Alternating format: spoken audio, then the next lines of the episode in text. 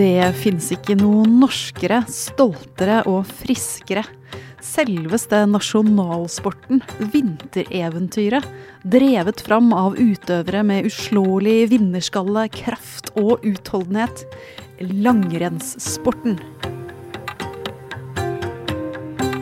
Men noen av de kjernesunne kroppene som vi har heiet fram til gull, sølv og bronse de siste tiårene, har ikke vært like sunne på innsiden.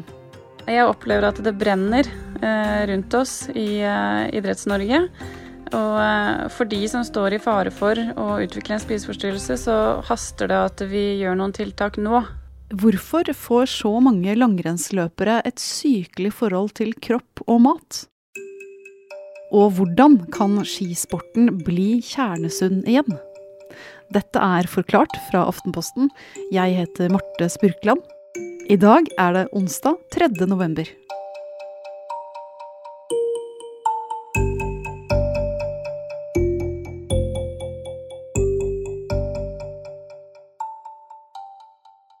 Det jeg fant ut at jeg mestra med langrenn, eller mitt talent, det var vel det å få eh, kontakt med snøen.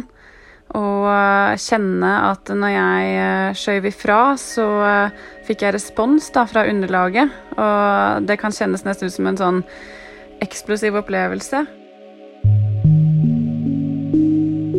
Kristiane Honerud Olsen fra Mjøndalen ved Drammen kommer fra en familie med store langrennsprestasjoner. I dag er hun 27 år gammel. Sin første skitur gikk hun da hun var tre, og da hun var ca. fem, begynte hun å trene aktivt. De neste sju-åtte årene virket det nærmest som om hun var skapt for å gå på ski. Man føler seg nesten vektløs og eh, sterk. Eh, og i harmoni med naturen og det underlaget man går på. Fra du var fem år gammel til du var 17, handlet det aller meste om langrenn. Hvordan var livet som skitalent? Ganske tidlig så blei det lagt opp til eh, at jeg kunne bli god. Det blei lagt til rette for det. Eh, og jeg så jo opp til, som sikkert alle andre skiløpere på den tida, Bjørn Dæhlie og Marit Bjørgen og disse beste som sto på toppen av pallen og hadde jo en drøm konkurrere i olympiske leker og verdensmesterskap og kanskje til og med leve av å være langrennsløper.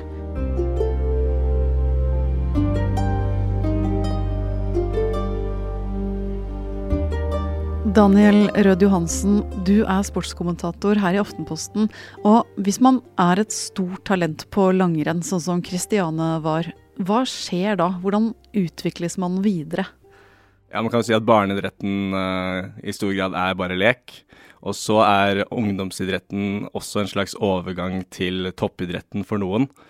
Og da er det jo en balansegang mellom om man skal ha for mye toppidrettsfokus ned i ungdomsidretten, som man kanskje ikke ønsker, eh, men samtidig legge til rette for de som faktisk vil satse. Det som er litt utfordrende i denne alderen, er jo at eh, veldig mye skjer med kroppen i puberteten. Og det kan gjøre det ekstra eh, problematisk å begynne å fokusere for mye på kostholdet. I Mjøndalen tidlig på 2000-tallet hadde supertalentet Kristiane en plan. Hun skulle bli like god som langrennsforbildene sine. Men så, da hun var 12-13 år gammel, ble livet i skisporet annerledes det at jeg forandra meg altså kroppslig fra å være jente til å bli kvinne, den gjør jo noe med kroppen. Eh, og den eh, responsen jeg hadde fått fra snøen, og den harmonien jeg hadde vært i med snøen, da, den uh, gikk fra å være et samarbeid til at jeg opplevde at snøen nærmest litt sånn motarbeida meg. Det var tungt å frakte seg sjøl fra A til B. Uh, og den følelsen av å være tung, den fikk jeg også ved å sammenligne meg med de andre utøverne rundt meg, og de som presterte godt.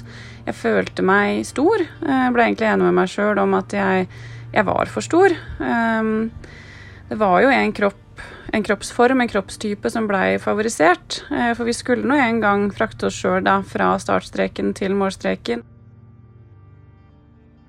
Planen var jo at jeg bare skulle slanke meg litt. Bare ta av de kiloene som trengtes for at livet rett og slett bokstavelig talt skulle bli lettere.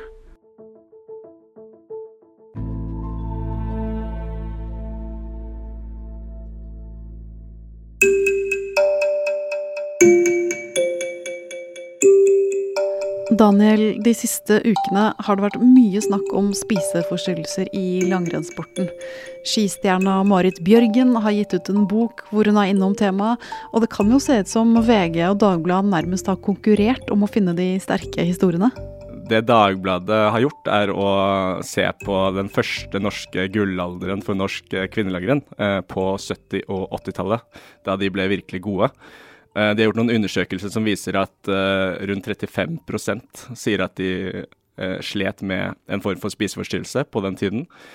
Um, 42 uh, sier at de følte seg presset til å slanke seg av landslagsledelsen.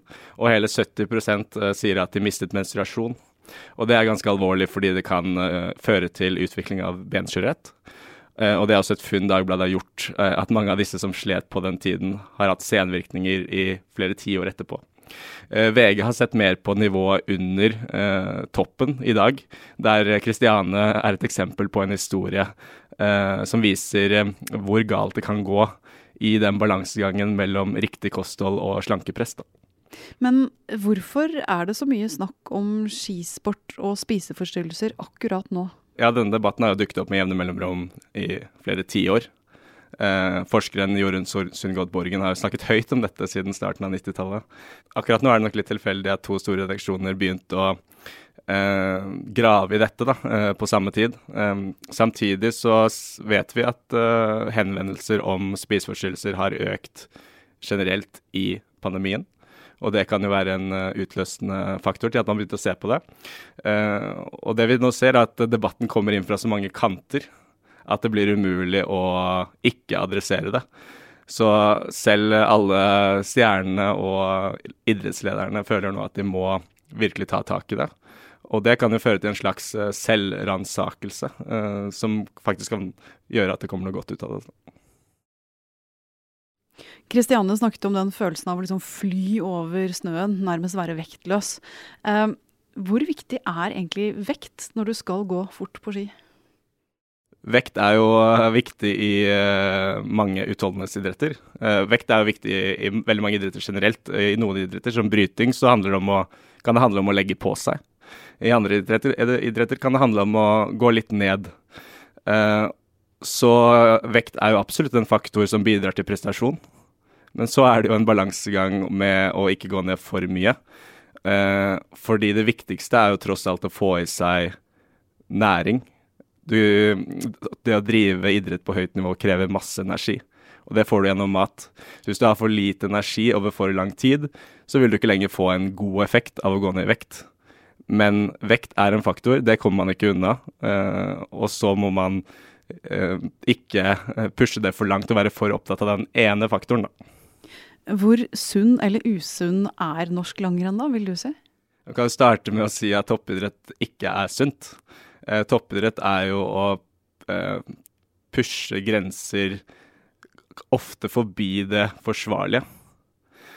Og så kan man jo si at på toppnivå og på landslagsnivå eh, så har man et veldig solid apparat rundt.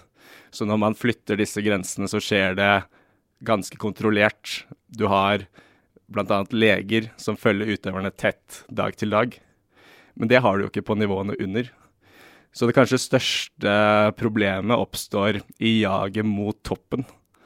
Når man skal prøve man, eh, Det skapes et slags ideal fra toppidretten, og så skal man prøve å etterligne det uten den, uten den samme kompetansen som de har rundt seg på toppnivå. Da kan det veldig fort gå galt. Da Kristiane var 15, begynte hun å gå til kostholdsveileder for å lære om mat, kalorier og vektplanlegging. Hun trodde selv at det var den type kunnskap hun trengte for å fortsette å gå fort på ski. I stedet lærte hun å gå ned i vekt. Da hun var 17, sluttet hun å trene langrenn. Da ble det enda mer av det hun selv kaller destruktive handlinger. F.eks. å sulte. Uh, sulte meg. Uh, og overspise. Uh, og så har jeg kastet opp maten. Og når man først har kommet dit, så er man ganske langt inn i forløpet. Eh, og da er det ikke nødvendigvis eh, det å ønske seg sjøl godt lenger det handler om. Da, da, har man kommet inn i en avhengighet, eh, og ganske langt ned i spiralen, da. Og du klarte å skjule det som skjedde med deg for de rundt deg? Ja, man blir verdensmester på det. Spesialist, ekspert, rett og slett. Jeg har hatt så mange tanker eh, og brukt så mye tid på å planlegge og finne ut hvordan jeg kan utføre de her handlingene og unngå å spise, unngå at andre skal se at jeg ikke spiser, og i det hele tatt bare for å holde det her for meg sjøl, da. Nettopp spising mener Daniel at langrennsutøvere på toppen bør snakke annerledes om, og det er også tegn til at de vurderer å gjøre det. Og noe som jeg også tenker er interessant, er uh, nåværende landslagstrener for herrene, uh, som snakker om at de kanskje ikke har vært gode nok til å uh, spre kunnskap om hva de faktisk spiser ut til omverdenen. Når vi snakker om dette jaget og idealet som skapes for ungdom.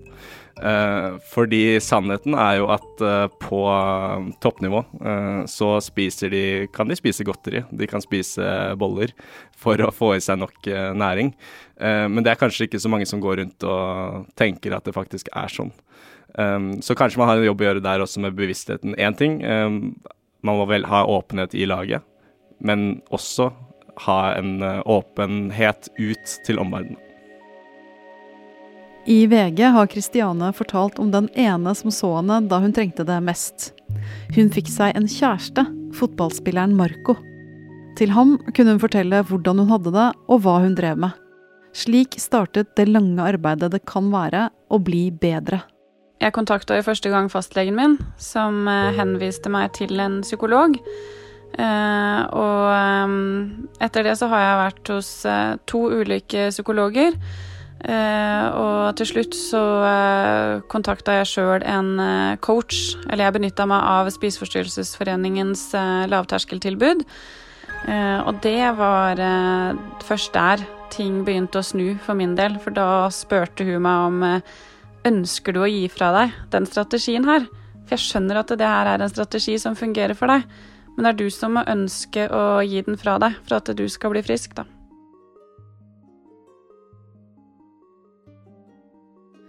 I fjor, ni år etter at hun bestemte seg for at hun måtte bli frisk, fortalte Kristiane sin historie i Drammens Tidende.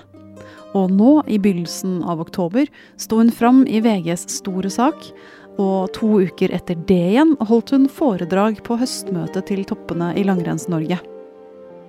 Og siden da, Kristiane, har du vært på God morgen Norge på TV 2 og på Debatten på NRK, og nå er du her i Forklart. Hvorfor er det så viktig for deg å snakke om dette? Eh, etter jeg besøkte Debatten, eh, så ble jeg jo mer overbevist om at det finnes eh, kunnskap og kompetanse og ekspertise på toppen. Men det vi trenger er mer enn bare små drypp ned mot, mot lokalmiljøene. Vi trenger tiltak, og vi trenger kunnskapsformidling som treffer de som sitter i dag og er usikre, som har handlekraft og som har vilje, men som ikke i dag veit hvordan de skal uh, bruke det, da. Skiforbundet sier i en kommentar til Forklart at langrennssjef Espen Bjervik anerkjenner utfordringen med spiseforstyrrelser i langrenn, og ser samtidig fremover. Skiforbundet langrenn har forebyggende tiltak og dialog om temaet gjennom trenerutdanningen, klubbutvikling, skigymnaser og sunn idrett. Så har vi også helseattesten som fanger opp avvik. Likevel er ikke det vi allerede gjør nok, og vi leter etter nye og flere metoder for å nå ut til foreldre og trenere, slik at åpenheten rundt kosthold, kropp og trening kan bli en naturlig del av kommunikasjonen både hjemme og på aktivitetsarenaen. Daniel, hva slags konsekvenser tror du de historiene som har blitt fortalt i det siste, kan få?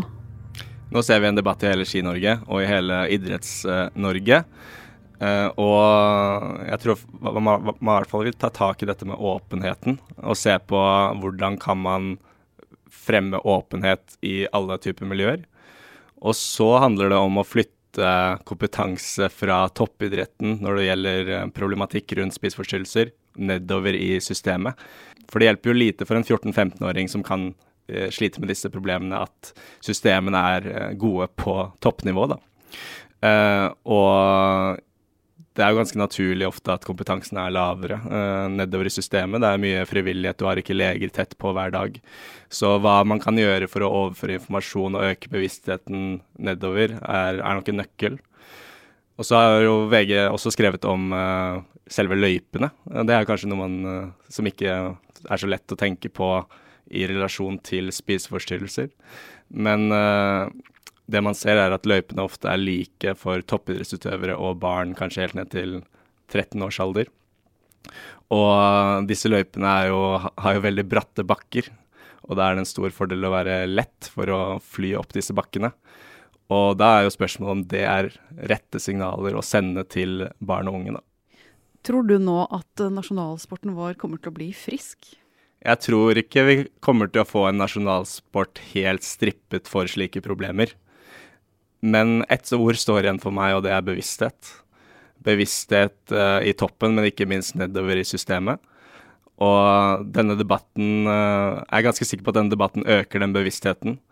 Også om hvilke ord Makt som ligger i ord. Da. små kommentarer kan få veldig store konsekvenser for unge utøvere. Hvis noen flere tenker på det fremover, så tror jeg man går et steg i riktig retning.